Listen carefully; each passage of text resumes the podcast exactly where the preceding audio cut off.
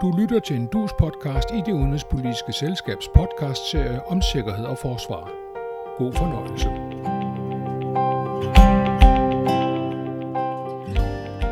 Good afternoon. Our NATO summit in Madrid this week will be uh, transformative with many important decisions.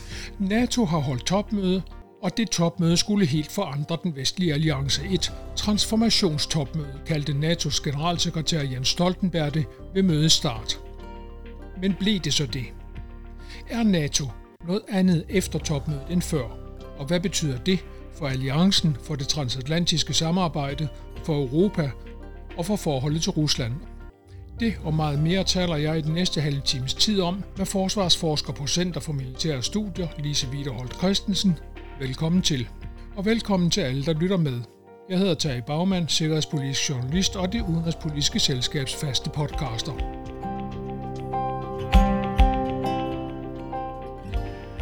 Today, NATO leaders took the historic decision to invite Finland and Sweden to become members of NATO.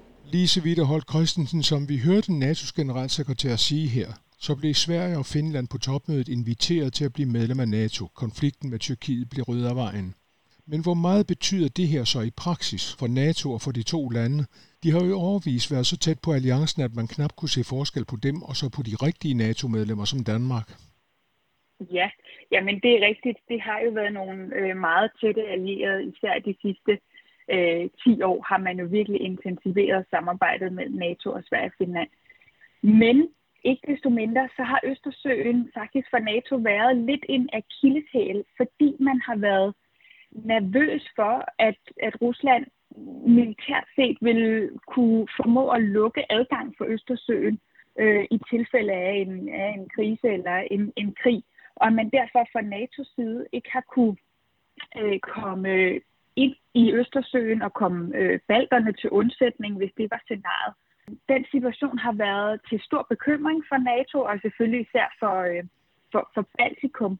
Og den magtbalance i Østersøen er jo øh, tippet øh, gevaldigt til, til NATO's fordel ved at få Sverige og Finland med ind i alliancen for alvor. Fordi Sverige og Finland nu er selvfølgelig til stede i, i regionen øh, på, på øh, geografisk vis og, og militær vis, og det, øh, det, det betyder alt andet lige, at man så fra NATO's side jo er til stede på, på en anden måde. Man har derfor øh, allieret styrker allerede i området kvæg Sverige og Finlands medlemskab, øh, og man vil kunne få styrker ind i Østersøen nemmere, fordi at Sverige og Finland er med øh, i alliancen øh, på en anden måde, end de øh, så at sige har været som partnerlande. Men, men øh, hvis jeg lige må holde fast i det her med, mm. at, at, øh, at vi har været for urolige over, at øh, Rusland kunne mm. lukke mm. Østersøen.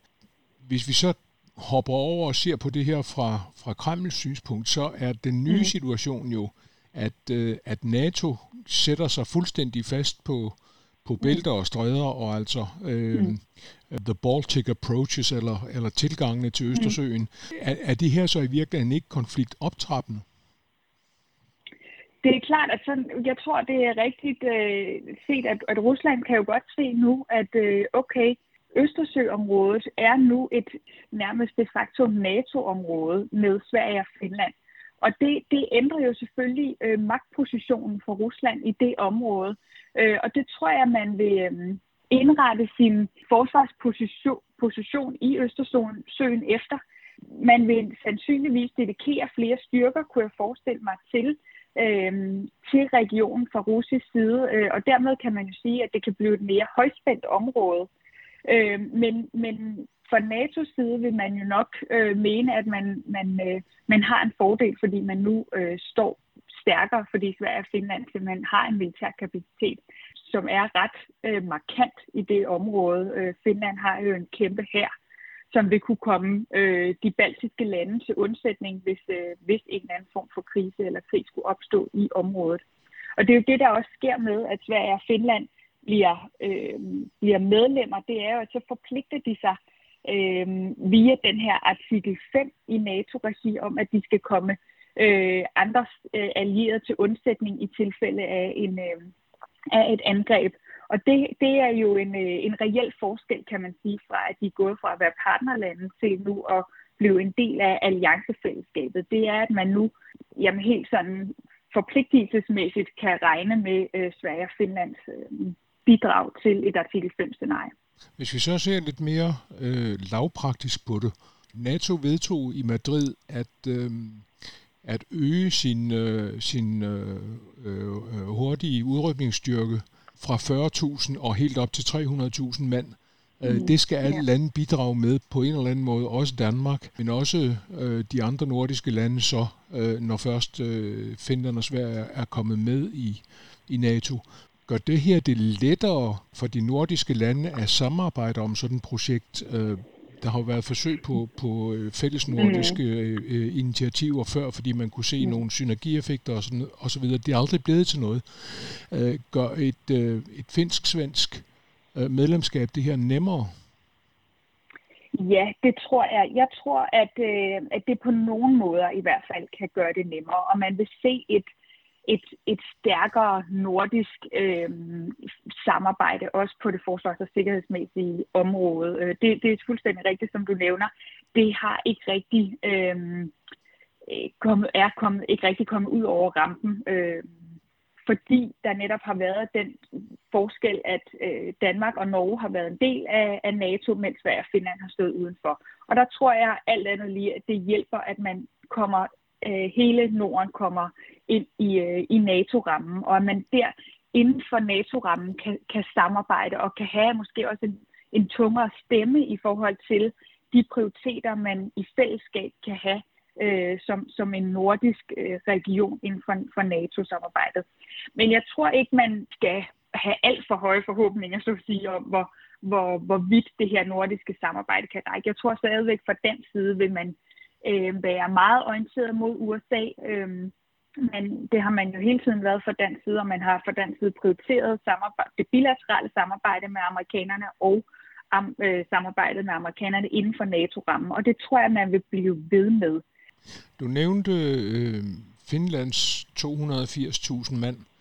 Problemet med, med de 280.000 mand er jo, at øh, en, en stor del af dem er værnepligtige fordi Finland stadigvæk har værnepligten. Det er ikke noget problem mm. øh, for NATO i virkeligheden, så længe øh, Finland er, er grænseland til Rusland, hvis det er det afskrækkelse mm. skal være. Kan de øh, europæiske lande overhovedet øh, stille deres bidrag til en udrykningsstyrke på 300.000 mand, øh, uden at reintroducere værnepligten? Jeg tror, det, det, det er et spørgsmål, som, som, øh, som de enkelte lande nu skal, skal finde ud af, hvordan kommer vi til at være i stand til at kunne levere de styrker, som, øh, som bliver påkrævet. Og det tror jeg, der skal foregå en, en proces omkring i, i de enkelte lande, men selvfølgelig også i NATO med, hvordan fordeler vi byrden, så at sige. Hvem skal stille med, med hvilke kapaciteter og hvilke øh, styrker til den her beredskabsstyrke på 300.000 mand. Og det er Øh, det er jo et kæmpe skridt. Det går fra at have været 40.000 på, den her, øh, på det her højere beredskab til nu at skulle være 300.000. Så det er jo virkelig mærkbart. Og det tror jeg, at, øh, at man øh, fra, fra, fra mange lande, øh, og inklusiv Danmark jo, nu skal finde ud af, hvordan kommer vi øh, til at være i stand til at kunne levere det. Vi skal have ansat måske nogle flere i øh, forsvaret. Man skal være bedre til at fastholde personel i forsvaret. Øh, og så skal de jo i hvert fald også være uddannet til at kunne, øh, at kunne indgå i sådan en, øh, en beredskabsstyrke. Så der, er, der, der ligger et arbejde forud for, øh, for de europæiske lande. Øh, det må man sige. Under øh, Afghanistan-konflikten, der havde vi en ambition om, at vi skulle kunne øh, sende 2.000 mand ud i internationale operationer af gangen og holde dem ude. Øh, og vi nåede aldrig længere end til cirka 900, 850 mand øh, mm. fordi øh, vores ambitioner simpelthen var for store. Skal vi tænke helt om med, med den måde, vi, vi, øh, vi bruger vores forsvar på, for at kunne opfylde de ambitioner, der ligger i det her øh, NATO-koncept? Ja, det, det, jeg tror, at det, øh, det kræver virkelig, at man fra dansk side øh, prioriterer forsvaret i langt højere grad, øh, hvis man skal kunne levere det her. Og jeg tror, at man på, på Christiansborg øh, skal, skal synke øh, lige, eller hvad, hedder, hvad kan man sige, ja, lige synke de her beslutninger og finde ud af, hvordan går vi så til det. Og man skal selvfølgelig have en øh, dialog med forsvaret om, hvordan kan man booste forsvaret på en øh, fornuftig måde, så man hurtigt kan melde ind til NATO, øh, at man er, er, er klar til at kunne levere på, øh, på de styrker, som NATO så øh, beder Danmark om at skulle kunne levere til den her styrke. Antallet, det, det tror jeg ikke er, er kendt endnu i forhold til, hvad Danmark skal levere. Jens Stoltenberg har jo allerede givet udtryk for, at man vil have den her styrke klar inden for øh, et år. Så øh, der er i hvert fald behov for, at Danmark sadler i, i, i, i morgen øh, øh, for at kunne, kunne, kunne nå det her. Så jeg tror, ja, man er, der er behov for at gentænke, hvordan rekrutterer man, og hvordan fastholder man personel i forsvaret. Ja, det sidste er det vigtige, fordi det første, man skal gøre, det er vel at gøre det attraktivt at være i forsvaret igen. Fordi sådan som man kan se det på, på tallene, så er det til synligheden ikke attraktivt, fordi officerer og stampersonel forsvinder jo lige så stille fra forsvaret igen. Ja, og det, øh, det, det er jeg ikke øh, ekspert i, hvordan man, øh, hvordan man gør det sådan mere HR-mæssigt. Men, men jeg tror, det er noget af det, man, man bliver nødt til at kigge ind i, fordi det her det er et krav for NATO, og der er en, øh, en forventning i, øh, i, i NATO-kredsen om, at det her det kan øh, allierede levere på, fordi det er nødvendigt. Øh, jeg tror, der er sådan en øh, lige nu en, en, øh, en voksende øh, bevidsthed om, at vi er, vi er nødt til at skrue op for, øh, øh, for jamen, som i NATO-sprog hedder den her afskrækkelsesprofil, som, som øh, den her udrykningsstyrke blandt andet skal indgå øh, som del af. Og det, øh, det er jo det her topmøde et, et klart eksempel på, at nu fra nu af har NATO øh, i høj grad fokus på øh, forsvar og afskrækkelse i Europa. Og det betyder, at landene også skal, øh, skal investere flere penge, og de skal investere øh, penge i øh, soldater. Er, er NATO selv overhovedet givet til det her? Øh, altså har, har NATO øh, gjort så meget ved sin administration og ved sin langsommelighed øh, i beslutningsprocesser osv., at, at det her det kan at de kan få det her til at fungere i praksis, så det ikke bare bliver noget med, øh, vi kommer, men øh, vi kommer først om seks måneder eller otte måneder. Eller? Ja. Ja, ja og det er jo et af de øh, helt store spørgsmål, som NATO har, har fokuseret på de seneste 10 år. Altså siden at Rusland annekterede Krimhalvøen, så har øh, der været et udtalt fokus i NATO på, hvordan bliver man i stand til hurtigt at kunne mobilisere styrker, øh, som kan øh, komme en, en allieret til undsætning, særligt ude på, på østflanken, altså Baltikum, Polen og, og så videre dernedad. Og, øh, og der har man jo iværksat en række initiativer øh, de seneste par år for netop at øge øh, muligheden for at kunne reagere hurtigt. Og man så det jo faktisk også, øh, da Rusland øh, invaderede Ukraine her i, øh, i februar 2022, hvordan NATO iværksatte sine øh, forsvarsplaner for Europa, og dermed også mobiliserede den udrykningsstyrke, som man har på nuværende tidspunkt, altså de 40.000 øh, soldater, ud på østflanken øh, med ganske få dages øh, varsel. Så man, man har jo faktisk opbygget en, en evne til faktisk at kunne mobilisere, men jo slet ikke i den øh, samme grad som de her 300.000 øh, mænd, som man nu har sat som ambitionsniveau.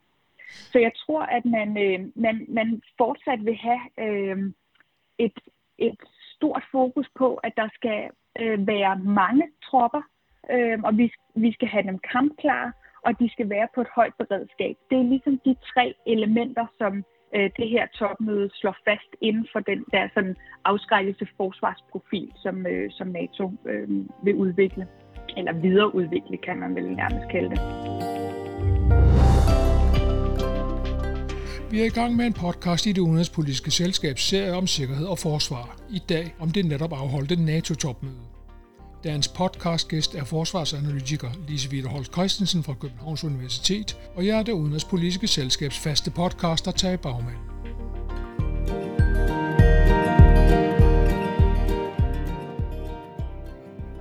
Today, leaders have endorsed NATO's new strategic concept – It makes clear uh, that Russia poses the most significant and direct threat to our security. Uh, in the current concept, we do not mention China with a single word. In this, uh, allies states that China's coercive policies challenge our interests, security and values. Lise Witterholt Christensen, NATO fik et nyt strategisk koncept på topmødet, og som vi lige hørte, øh, så øh, kalder det Rusland for den mest betydende og mest direkte trussel mod NATO's sikkerhed. Og det omfatter for første gang overhovedet også Kina. Ikke som en trussel, men det siger, at Kinas anmassende politik, coercive policy, øh, udfordrer NATO's interesser, sikkerhed og værdier. Hvad siger det om NATO's opfattelse af sikkerhedsbilledet i Europa, for nu at tage den russiske del først? Mm. Ja, men først vil jeg måske lige påpege, nu nævner du to statslige aktører, og det er jo faktisk ret sigende for, hvad det er, NATO har fokus på i, øh, i de her år. NATO kommer fra øh, årtier med fokus på såkaldte ikke-statslige aktører, altså særligt terrorgrupper, altså al-Qaida, islamisk stat, som man har været fokuseret på. Det, her, det, det er det, man har set som udfordringen og truslen. Men nu er man altså i en situation, hvor man øh, helt klart ved det nye koncept, øh, som du påpeger, nævner øh, Rusland som en, øh, en trussel, altså at man ser med andre ord Rusland som fjende nummer et, og alliancens hovedformål er at beskytte allieret mod et angreb fra øh, Rusland. Man har fokus på det her kollektiv forsvar, og det er øh, afskrækkelse og forsvaret af det europæiske territorium, som er øh, vigtigst. Man, man læser altså den invasion af Ukraine, som Rusland har, øh, har, har gennemført og fortsat gennemfører, øh, som, en, øh, som et udtryk for, at den, øh, det russiske regime udgør øh, en trussel for sikkerheden i det euroatlantiske område, og altså inklusiv Europa og NATO-allierede. Og det er det, man vil forberede sig på. Så NATO forbereder sig med andre ord på øh, krig i Europa. Og det er jo virkelig øh, øh, sådan en trist læsning, men, øh, men det er virkelig sådan, jeg ser det her øh, koncept i en meget dyster tone. Øh, og der oveni kommer Kina jo så også som en, øh, som en aktør, som du også nævner, som NATO nu skal have fokus på. Øh, hvis, den, hvis, den bliver... hvis vi lige holder fast ved Rusland et øjeblik, ja, ja. Øh, betyder den her øh, sætning i, øh, i øh, topmødedeklarationen, topmødeerklæringen, øh, den mest betydende og mest direkte trussel mod NATO's sikkerhed, betyder det, at, øh, at NATO øh, Ruslandrådet, øh, altså det forum, man lavede for at, at gøre Rusland mm. til en samarbejdspartner, øh, at det er øh, fortid, at det er dødt? Ja, jeg tror faktisk, at øh, det ser ud som om, at det er, er dødt lige nu i hvert fald. Øhm, nu, nu må vi jo se da. Jeg kan ikke spå om fremtiden. Øh, på et eller andet tidspunkt skal der jo være nogle, øh, forhåbentlig i hvert fald nogle fredsforhandlinger, og en eller anden form for våben øh, hvile i Ukraine. Og der tror jeg selvfølgelig igen, at NATO vil, vil overveje, om, om der skal genoptages en form for, for øh, dialog med, med Rusland. Men lige nu, der, øh, der er samtalen i NATO-Rusland-rådet suspenderet.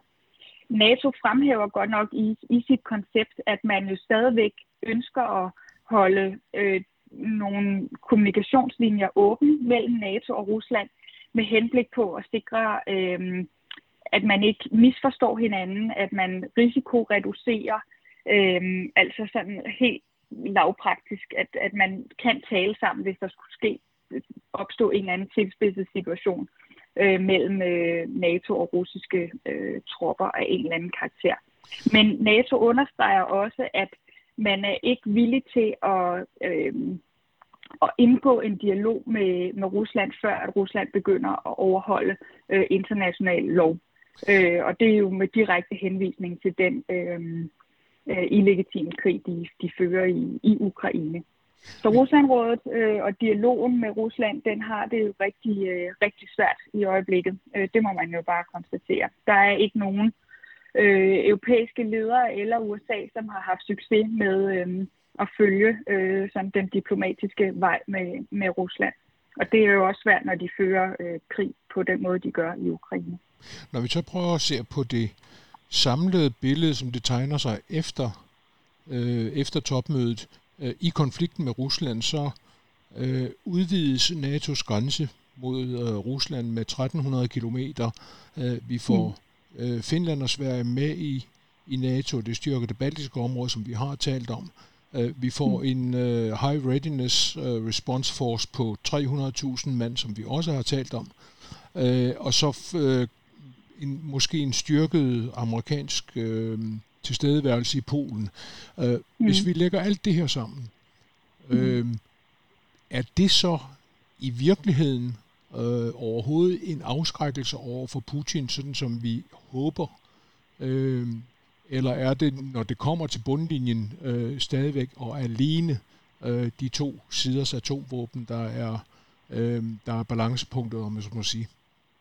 Ja, det er jo et godt spørgsmål, og afskrækkelse, det er jo virkelig en svær størrelse at måle faktisk, fordi øhm, man jo sætter sin lid til, at, øh, at, at afskrækkelse virker, øhm, men, men, men man kan jo ikke helt fuldstændig en til en måle, om det er netop den øh, styrke på 300.000 mand, som gør, at Rusland ikke angriber, eller om det er atomvåbne, som, som reelt set er afskrækkelsen.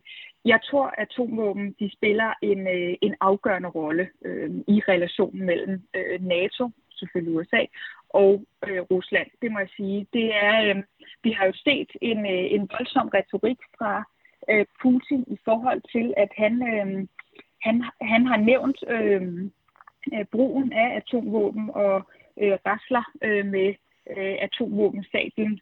Og, øh, og det siger jo noget om, at de, det, det, det spiller en stor rolle i international politik. Det kan man ikke komme udenom.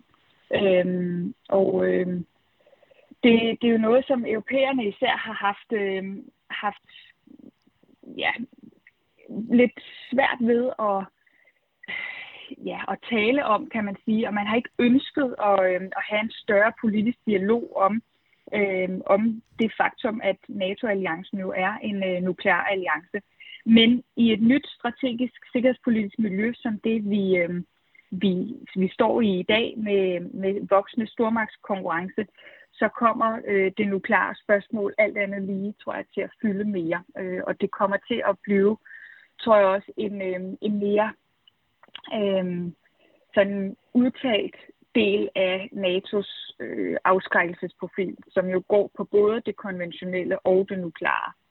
Men, men er, er det, der skete i, i Madrid, så i virkeligheden et skift fra en alliance, der satsede på afskrækkelse, til en alliance, der nu satser på øh, forsvarsevne, fordi man øh, anser det for realistisk, at man kan få brug for den forsvarsevne? Ja, altså det er jo i hvert fald en balance derimellem. Jeg tror ikke, det er helt sort-hvidt, og jeg tror også, der er lidt fraktioner internt i NATO i forhold til, hvor skal vægten ligge. Jeg vil nu stadigvæk, øh, jeg læser det stadigvæk som om, at NATO's afskrækkelsesprofil og også den konventionelle del, den fylder meget, og det er den, der skal boostes, så at sige. Og det skal den jo så især med de 300.000 mand.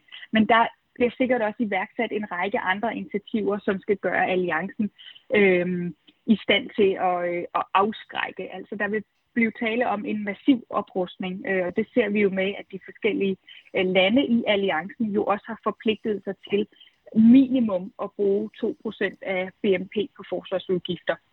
Øhm, så, så det tror jeg er det, man, man fortsat vil lægge vægt på. Men det er klart, at der er særligt ude i den østlige del af alliancen allierede, som ønsker en stærkere øh, tilstedeværelse af øh, allieredes tropper for netop at kunne forsvare øh, landene, hvis der skulle, øh, skulle, skulle ske en, øh, en, en, en opstå en krig, hvor Rusland øh, kunne finde på at, øh, at angribe et, et NATO-land.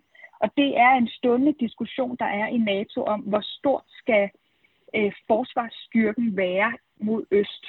Øh, hvor skal, skal styrken være sådan, at man kan øh, forsvare sig med de tropper, der så er til stede, eller skal man være afhængig af forstærkningstropper øh, i, i øst. Og nu har man jo lavet den her konstruktion med, at der skal være 300.000 mand på sådan en udrykningsstyrke. Og det tror jeg er det, der er kompromiset. de skal ikke alle sammen være i, øh, i Østeuropa, de her 300.000. De skal være, mange af dem, i hjemlandet, men på et så højt beredskab, at de kan rykke ud til den øh, østlige flanke med så kort varsel, at de vil kunne forstærke de, øh, de allierede ude på, på østsiden øh, hurtigt nok til, at man, øh, at man også kan være med til at forsvare øh, landene derude. Uh, lad, os, øh, lad os fjerne os lidt fra det øh, europæiske øh, ja. øh, område, men ikke før vi lige mm skynder os at nævne, at selvfølgelig så bliver der på topmødet også lovet øh, ny hjælp til Ukraine, både med, med våben og med mm. øh, støtte på anden vis. Øh, men, mm. men, men jeg vil godt tilbage til, til den her del af konceptet, der siger, at, øh, øh, at, at Kina udfordrer NATO's interesser, sikkerhed og værdier. Øh, der, der var ligesom øh, i hvert fald to signaler. Det ene var, at man skrev det her ind, og det er jo måske øh, nogle lidt bløde formuleringer, kan man sige. Øh, Kina mm. omtales ikke som en modstander, men, men som en, der udfordrer. Øh, mm. og, og det andet signal var, øh, og det var måske det vigtigere signal, det var, at for første gang i alliancens historie, så øh, havde man inviteret Australien, Japan, New Zealand og Sydkorea med øh, mm. til det her topmøde. Øh, hvad siger det også om øh, den balance, man forsøger at finde mellem de europæiske interesser, som jo tydeligvis er Rusland, øh, og de amerikanske interesser, som øh, i høj grad er Kina. Ja, jamen og det er det jo lige, det, du slår hovedet på sømmet her, øh, må jeg sige, fordi det er netop balancen mellem det, øh, det regionale fokus i Europa, som lige nu knytter sig til afskrækkelsen af Rusland, og så den globale, øh, det globale engagement, som handler om øh, Kina og den voksende øh, stormagtskonkurrence mellem USA og Kina. Og teksten i det strategiske koncept omkring Kina øh, er jo i høj grad, synes jeg, et udtryk for, at, øh, at man, man anerkender, at de kinesisk, den kinesiske voksne øh, magtdominans, den, den udfordrer øh, den liberale verdensorden, øh, som, som jo er sådan et, et begreb, vi, vi, vi bruger lidt i flæng, men som, som jo indkapsler den, den måde, vi har, øh, og Vesten især, har indrettet øh, sig på med, med, med institutioner og demokrati og frihedsrettigheder og retsstatsprincipper. Og det, det påpeger man jo, at, at Kina øh, på, på, i nogle af dets handlinger øh, forsøger at underminere, fordi at man øh, tolker ikke Kina som en, øh, en magt, der ønsker at øh, bidrage positivt til den liberale verdensorden, så at sige. Og det er jo rigtig i, i høj grad et, et led i den stormagtskonkurrence, som øh, USA og Kina øh, står midt i, og, og som Donald Trump jo især øh, øh, dagsordenen satte øh, under sin øh, præsidentperiode, og også trak ind i NATO og fik påpeget meget klart over for europæerne, at hvis NATO fortsat skal være relevant for amerikanerne, så skal NATO også adressere udfordringen for Kina. Og det er både en udfordring, der knytter sig til øh, den globale øh, økonomiske magt, som Kina har, også i Europa, men også i forhold til øh, den øh, jamen den, den måde Kina agerer over for i sit eget nærområde, altså i det sydkinesiske hav og i Indo-Pacific-regionen, som er det koncept, som amerikanerne øhm, øh, ønsker at bruge om, om, øh, om regionen over øh, omkring øh, Kina og Stillehavet. Øhm, og det, det, man kan sige med lige den sidste, det, det, det med, at de asiatiske partnere øh, er inviteret med, jamen det understreger øh, i høj grad synes jeg, at det er jo første gang, de nogensinde er med til et, øh, et topmøde i NATO-regi, understreger jo det her med, at NATO har to ben at gå på. Der er både den regionale, og der er den globale. Og den globale handler i høj grad om også at få et øh, partnerskab etableret med Korea, og, eller med Sydkorea, og med Japan, og med Australien, øh, og, og, og New Zealand. Og, og det, øh, det tror jeg, vi kommer til at se mere af, og det bliver et spørgsmål om, at man vil øh, stå som, øh, som, som en demokratisk alliance, som bidrager til den her, øh, konflikt, som amerikanerne jo i høj grad taler om, mellem demokratier og autokratier. Og der skal man se NATO som, at det her, der har NATO også valgt side og meldt sig ind i den værdikamp, øh, som, som udspiller sig i forhold til, øh, til den distinktion mellem demokrati og autokratier. Så den, den gammeldags snak om det, om at NATO dækker det øvre atlantiske område, og i virkeligheden kun det nordatlantiske område, øh, den, den er i virkeligheden øh, forældet? Ja, den, den synes jeg øh, ser ud til at være forældet, øh, fordi man ønsker et globalt udsyn. Der er jo ingen tvivl om, at man lige nu fortsat øh, har en, en, der er en stor forskel på, hvordan man adresserer Rusland og hvordan man adresserer Kina i det strategiske koncept. Det er ikke sådan, så der øh, bliver lagt an til, at NATO nu skal øh, militært være til stede i, øh, i det sydkinesiske hav for eksempel. Men man, øh, man melder sig ind i en global værdikamp øh, med at, at adressere Kina på den her måde. Og man, og det, det handler jo selvfølgelig også om, at, at NATO øh, i form af de europæiske allierede, de bakker op om amerikanernes geostrategiske interesser i form af konkurrencen med Kina. Øh, det er der jo ingen tvivl om. Og det understreger selvfølgelig også, at øh, NATO er og bliver en øh, alliance, som øh, indretter sig efter, hvor amerikanerne har geopolitiske interesser.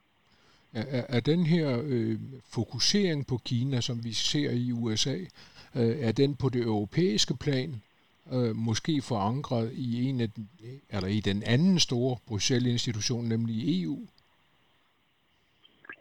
Øh, jamen, EU er jo i hvert fald også en vigtig spiller, når det kommer til, til Kina, fordi at EU måske har nogle andre redskaber øh, til at adressere nogle af de udfordringer, som, øh, som, som Kina øh, udgør ifølge, øh, ifølge europæerne.